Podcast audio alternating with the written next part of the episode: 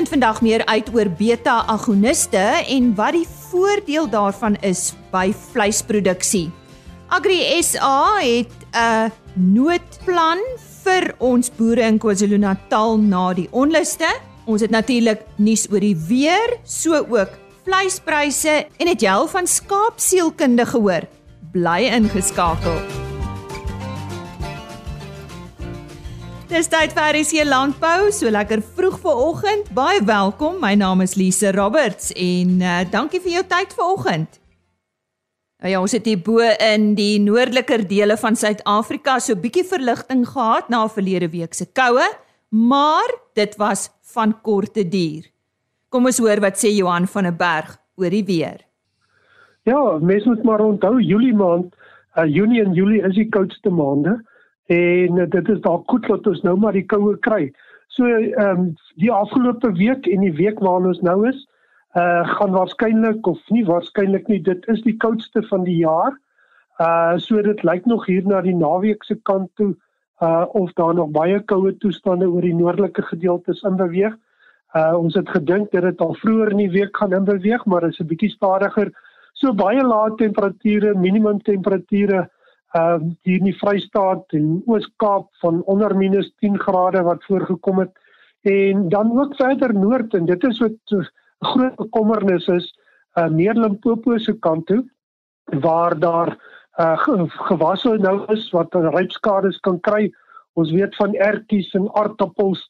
Uh so die kanse is daar dat daar ook rypskades uh, uh verder noord in Limpopo gaan voorkom. So ons hoop maar dat dat dit nie gaan gebeur nie, maar baie baie koue koue toestande. Dit lyk darm of hierdie 2 weke, uh kom ons sê hierdie middelste uh 2 weke van van Julie nou die koudste van die jaar gaan wees. Uh dat hy hiervanaf darm gaan draai, maar dis nie sê dat ons nie verder 'n ryp gaan kry nie.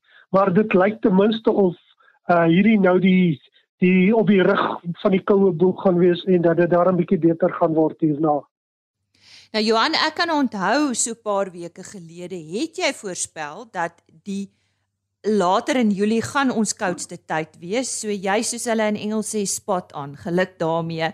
Dan het ons 'n vraag van 'n luisteraar ontvang uh, aan RSG Landbou om te sê kan Johan net so bietjie verder vooruit kyk dat ons kan beplan. So Johan, wat uh, wat lê vir ons voor in die volgende 2 of 3 maande? Ja, baie dankie vir die vraag. Dit is 'n baie goeie vraag. En daar's 'n rede hoekom ons nie altyd dit wil doen nie, want dit is baie moeilik om so lank vooruit te voorstel. Maar as ons 'n kans kan vat, dit lyk temperatuurgewys uh asof ons nog veral in die eerste gedeelte van Augustus uh oor die sentraal na suidelike gedeeltes en ook miskien na die oostelike hoofveld nog redelike koue toestande gaan ervaar.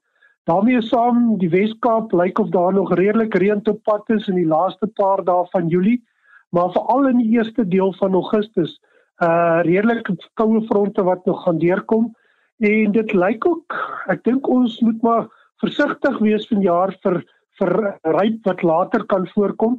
Nou ons het genoem dat uh temperature behoort na hierdie 2 weke 'n bietjie te begin herstel, maar dis juist die gevaarlike tyd uh wat nou voorkom want die dae begin waar of gaan warmer word uh die die plante begin bot ontwaak en as daar dan koue kom uh dan gaan dit skade kry. So daar's 'n redelike groot risiko Augustus en selfs gedeeltes van September uh dat ons vanjaar weer uh koue wat hulle noem cold snaps of koue grepe kry wat vir ons skade gaan gee. Ja, wees versigtig Johan van der Berg, baie dankie vir jou bydrae vanoggend.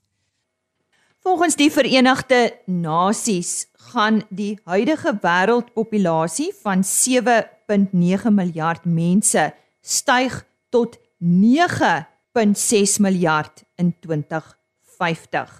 Dit beteken ons sal dinge slimmer moet doen en slimmer moet kos en proteïen produseer want die produksie sal moet styg met 70%. Ons moet dus nuwe tegnologie gebruik om meer volhoubaar te produseer. Nou beta-agoniste is een van daardie tipe tegnologie wat boere kan help om meer vleis te produseer en ek gesels met die verkoops- en tegniese bestuurder by Animate Animal Health, Marlien de Kok. Marlien, beta-agoniste word al vir 25 jaar in Suid-Afrika gebruik. Wat is 'n beta-agonis en hoe werk dit?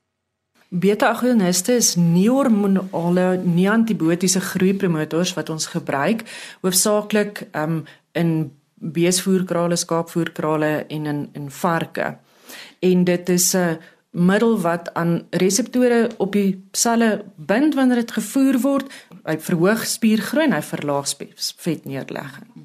Nou ek as verbruiker is maar bekommerd oor die veiligheid van die voedsel wat ek verbruik en en ons is natuurlik ook bekommerd oor die die voer wat vir diere gevoer word en die veiligheid daarvan. Is beta-agoniste veilig vir mens en dier? Ja, definitief. Ehm um, die verbruiker kan net weet dat al die navorsing wat ons doen wanneer ons hierdie produkte registreer, is daarop gemik om seker te maak dat beide ons diere en ons verbruiker veilig is wanneer hulle hierdie produkte gebruik. Die belangrike deel is net om altyd seker te maak vir die dat die produsent die produk reg gebruik. Daar's verskeie produkte met verskeie onttrekkingsperiodes ensovoorts en dosering. So dis belangrik dat hulle met hulle veearts en hulle voedingkundiges praat dat hulle verseker net maak seker maak dat hulle dit uh, korrek uh, gebruik. Marlene, maar ek het al gehoor dat beta-agoniste die vleiskwaliteit negatief beïnvloed. Ehm um, doen alle beta-agoniste dit um, het het almal van hulle 'n negatiewe impak op vleiskwaliteit. Op hierdie stadium op die mark het ons vers, het ons drie verskillende beta-agoniste wat produsente kan gebruik en dit hang af van watter klas hierdie beta-agoniste val. So ons het korter werkende agoniste en dan ons um, langer werkend en die langer werkende beta-agoniste is geneig om die effek te hê om om vleis taai te maak. So as vleiskwaliteit vir jou belangrik is, dan sal ek voorstel dat jy na jou korter werkende beta-agoniste kyk. Hoekom beveel julle aan dat produsente dit gebruik? Die produkte wat ons in in voedselproduserende diere gebruik is maar alles gemik daarop dat ons ehm um, produktiwiteit en effektiwiteit verhoog want op, ons is tog almal hier om om geld te maak. En hierdie is definitief 'n produk wat jou produktiwiteit gaan ver, verbeter as ook jou ekonomiese produksie van van vleis. Wat kan produsente verwag in terme van die verbetering in 'n produk wanneer hulle 'n beta-agonis gebruik? Die oor die algemeen oor al drie die verskillende molekules gaan hulle 'n verbetering in voer omsetverhouding sien. So dit is die hoeveelheid voer wat gebruik word vir die gewig wat opgetel word en dan 'n uh, verbetering in die karkas uitslagpersentasie is gewoonlik 'n persentasiepunt na 2 persentasiepunte verbetering wat hulle daar sien. Verbetering in jou daaglikse massa toename Maar die groot ding is dat daar op die einde van die dag meer vleis is om te verkoop nadat ons hierdie gevoer het. Waar kan produsente meer inligting kry oor beta-agoniste en spesifiek dit wat julle bied? Miskien om hulle gerus te stel dat dit, dit is werklik die roete om te volg. Julle kan my gerig skakel. My kontakbesonderhede is beskikbaar op ons webwerf um, waar jy ook meer inligting kan kry oor uh, die produkte wat ons voorsien. Ons webwerf is www.animate.co.za en dan kan jy ook meer gesels met julle voedingkundiges by julle voermelings wat julle ook sal kan assisteer. Marlinde Kok van Animate Animal Health, sy is hulle verkoops- en tegniese bestuurder wat vandag met ons gesels het oor beta-agoniste. En vir meer inligting, besoek www.animate www.co.za. Chris Derksen staan gereed met ons nuutste vleispryse. Dis pryse wat behaal is by veilinge in die Noord-Vrystaat. Chris? Goeiemôre Lisa en medeboere. Ek gee graag vir julle vandag die verslag vir die 21ste Julie. Dis regtig skrikwekkende tye waaronder ons hierdie probeer om ons normaal te hou. Eerstens moet ons onthou die land het geweldige ekonomiese ontwrigtings deurgegaan en ons is eintlik absoluut verbaas dat daar nog 'n vleismark is onder hierdie nare omstandighede. Koopkrag het baie afgeneem, maar die veepryse is regtig nie te sleg nie onder die nare omstandighede. Verder moet ons onthou gewoonlik hierdie tyd van die jaar begin pryse sistematies styg na die piek toe aan die einde van November. So dit is eintlik antisiklies dat hulle nou effens afgaan, maar dit is as gevolg van hierdie eksterne faktore. Die waarde van die uitvoere sal ten minste styg as gevolg van die vreeslike swak rand wat die gevolg is van die onluste.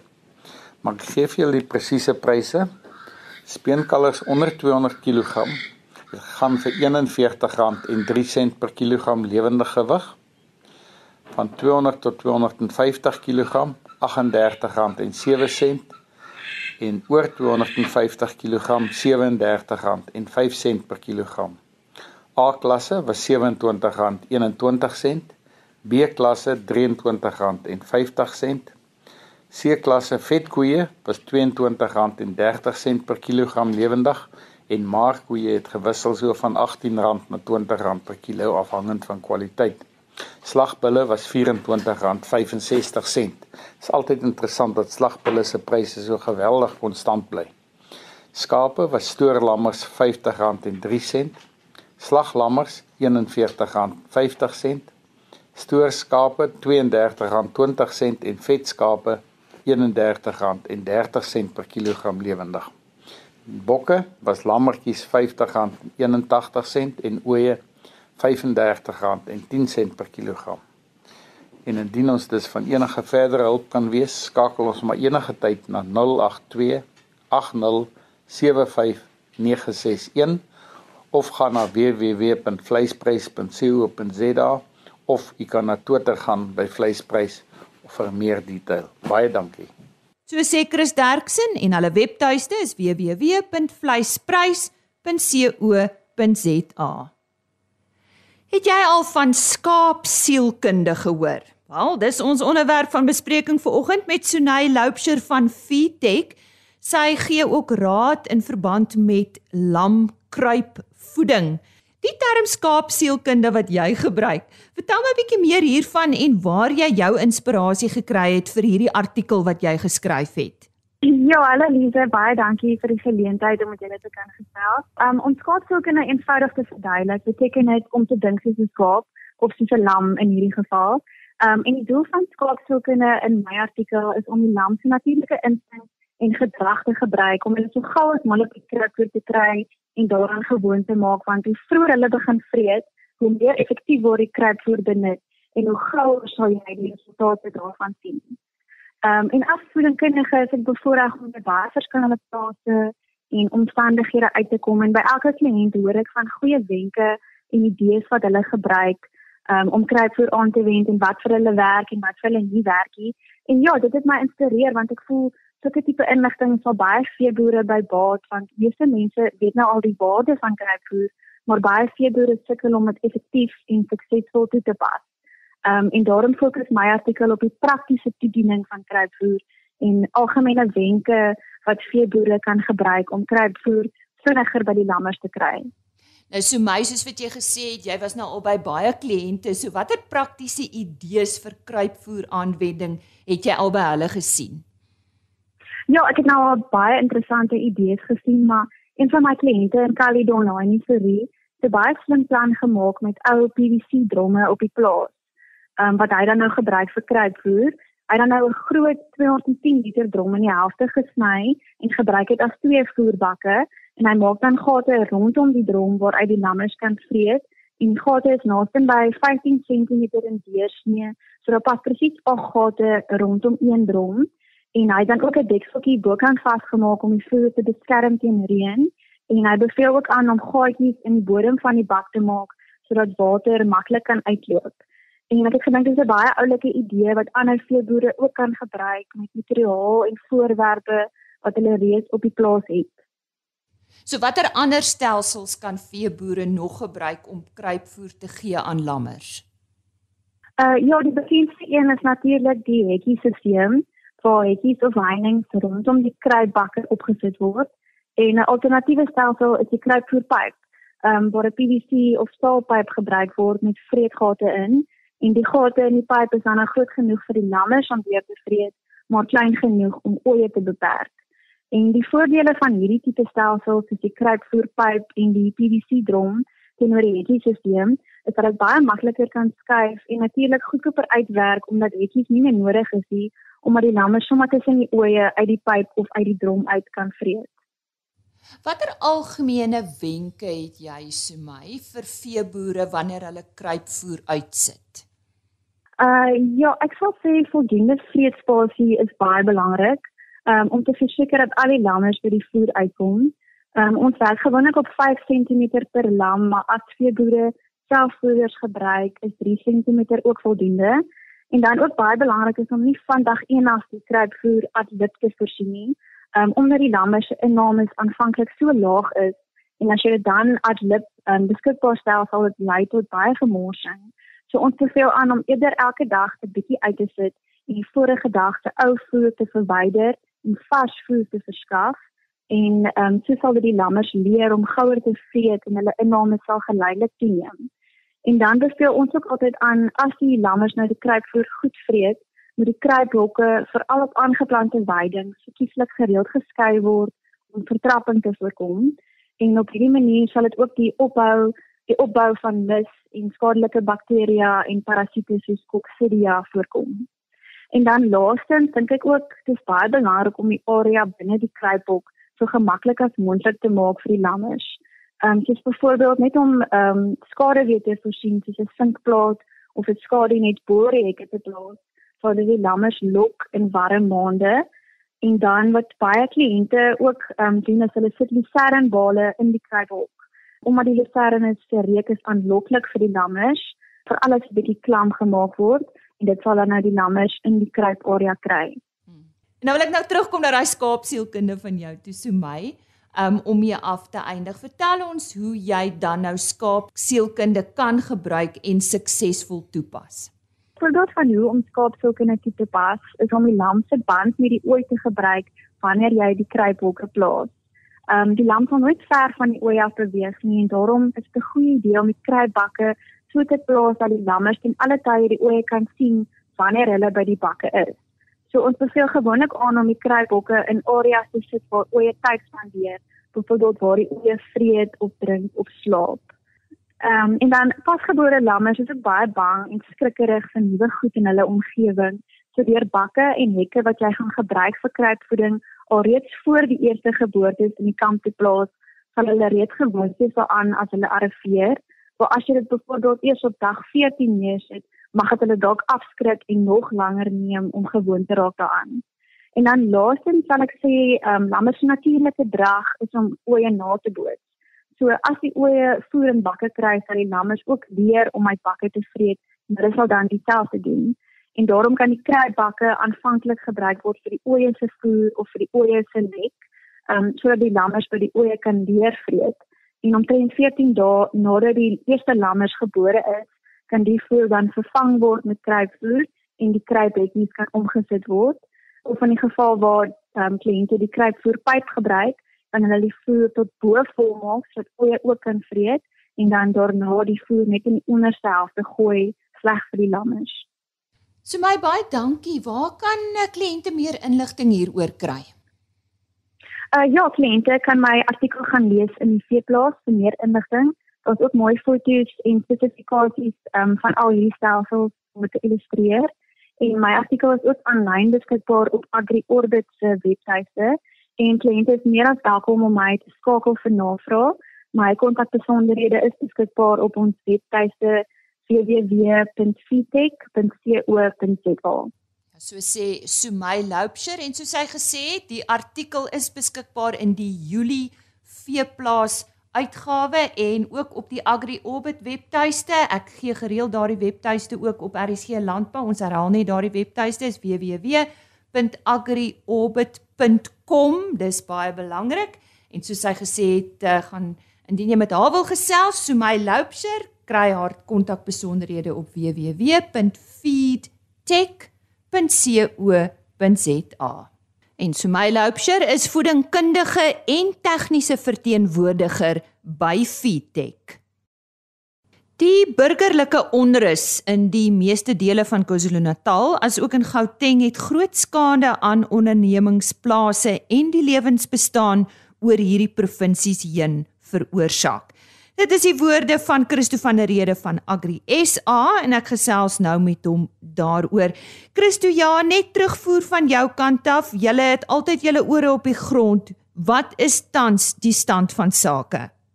Die uh, landelike en veral landbougemeenskap in KwaZulu-Natal is erg getraumatiseer. Uh, baie boere uh, het um, uh, aanskou hoe hulle seker rietplantasies afgebrand word uh, van hulle het hulle diere verloor in die proses. Uh, daar is van die hoenderplase of pluimveeplase wat ons laat weet het dat uh, mense het op hulle plase afgestorm vir hulle gedreig en daar was van die plase wat geplunder was en mense het hoenders weggedra. En dan uh, weet ons van die melkplase wat nie hulle melk kon deurgegee het aan die aan die melkerye nie waar dit geproseseer moet word nie en dan moes daai melk uh, bloot net stort. So die uh, landbougemeenskap is ehm uh, baie nadelig getref deur hierdie uh ontploffing van geweld en die uh, algehele verval in wet en orde en uh, mense hoop maar net dat hulle oor tyd uh, sal herstel. Maar meer belangriker vir ons is dat hulle weer vertroue in die in die in die in die provinsiale administrasie en in die regering van die dag sal kry want dit is tog immers die regering se plig om uh, mense teen sulke tipe van uh, geweld uh, te beskerm. Dan is dit nou nodig vir die privaat sektor om in te spring en te help en dis waar julle nou vorendag gekom het met die idee om 'n fonds te begin en dit is nie net julle nie, julle het 'n paar affiliale wat ook uh, hier gaan help. Verduidelik vir ons wat julle plan is en waar staan ons nou? Uh Agresa die droogte ramp uh, hulp stigting is so tyd gelede gestig uh, en ons is oor die jare al besig om droogte hulp aan boere in droogte getuieerde gebiede te verskaf. Nou hierdie fonds uh uh gaan nou baie spesifiek uh, hulp kanaliseer na uh, die boere in uh, KZN. Ons span op kantoor in samewerking met Kwalalu is besig om al die logistieke uit te werk rondom dit hulle skakel glad met lugrederye om kos en goederes in te vlieg na die provinsie toe en dan het ons baie ondernemings van uh finansiële hulp maar ook uh ander forme van hulp sien verlede week ontvang. So mielies en al die tipe van goed mieliemeel dit word afgery nou na verskillende punte toe. Maar die uh, landbouunies ons gaan help om dit verder na behoeftiges te versprei. En wat is jou beroep op die gemeenskap? My beroep is kom ons staan eh uh, Kwanalo by, ons staan die boere in eh uh, ehm die in KwaZulu-Natal by want ehm uh, die boere staan ons by. Die boere sorg dat ons elke dag kos op die tafel het. Nou is dit 'n geleentheid vir ons om hulle ook van hulp te wees. Mm. Terwyl ons nou so praat met jou, ons weet daar's boere byvoorbeeld van Limpopo en so wat nie hulle sitrus kan uh, by die hawens uitkry nie. Het jy enige inligting wat dit betref en uh, miskien van ander boere in ander dele van die land wat as gevolg van die sluiting van die N3 nie um, alle produkte kon vervoer nie, Christo? Ja, al die EFA Agnes en alle rolspelers het verlede donderdag met uh, ministers vergader, uh, insluitende minister Toko Didiza, minister Patel as ook uh, minister uh, Gordon en uh, ons het gevra eerstens dat die N3 oopgesluit word en dat die N3 beveilig word. So uh, al die trokke, uh, sitterstrokke is al reeds op pad hawe toe en dan ons ook 'n gesprek met die uh, uitvoerende hoof van Transit gehad om die uh, seker te maak dat die hawe uh, funksioneel is en sê vir ons gister laat weet uh, dat die, die spoorlyn tussen Durban en uh, Johannesburg is weer oop. Hmm. So en uh, ons weet ook nou dat die uh, mense wat verantwoordelik is vir die verkoelingsaanlegte dat hulle ook reeds aan die gang is. So um, ons hoop en bid dat die vrugte uitvoere nou uh, sal uh, in volle swang sal uh, begin ehm um, um, funksioneer. Mm. Maar uh, die uitdaging bly maar uh, om om die goed op die skepe te kry. Mm. Want dis wat 'n groot uh, uh, uitdaging lê. Baie skepe het ons al maar ander week verlede week na ander hawens toe. Ons moet hulle terugkry om die uh, goed natuurlik na ons oseese bestemmings uh, te vervoer. Ek het daar gesels met Christo van der Rede van Agri SA. En maandagooggend op RSG Landbou gesels ek met Justin Chadwick. Hy's natuurlik die uh, hoofuitvoerende beampte van die Sitruskweekers Vereniging en ons hoor wat is die stand van sake wat uh, die bedrywighede van ons sitrusprodusente betref. Dis dan die einde van ons kuier saam met jou vir hierdie week. Onthou 5uur maandagooggend is ek weer terug met nog RSG landbou nuus. Ons webtuiste indien jy enige van die onderhoude gemis het of dalk net 'n gedeelte daarvan gehoor het, besoek gerus www.agriorbit.com of die RSG webtuiste daar waar die program volledig gelaai. Ons e-posadres is rsglandbou@plaasmedia.co.za. Geniet die res van jou week, bly warm, bly gesond en waardeer jou naweek. Totsiens. RSG Landbou is 'n plaasmedia produksie met regisseur en aanbieder Lize Roberts en tegniese ondersteuning deur Jolandi Root.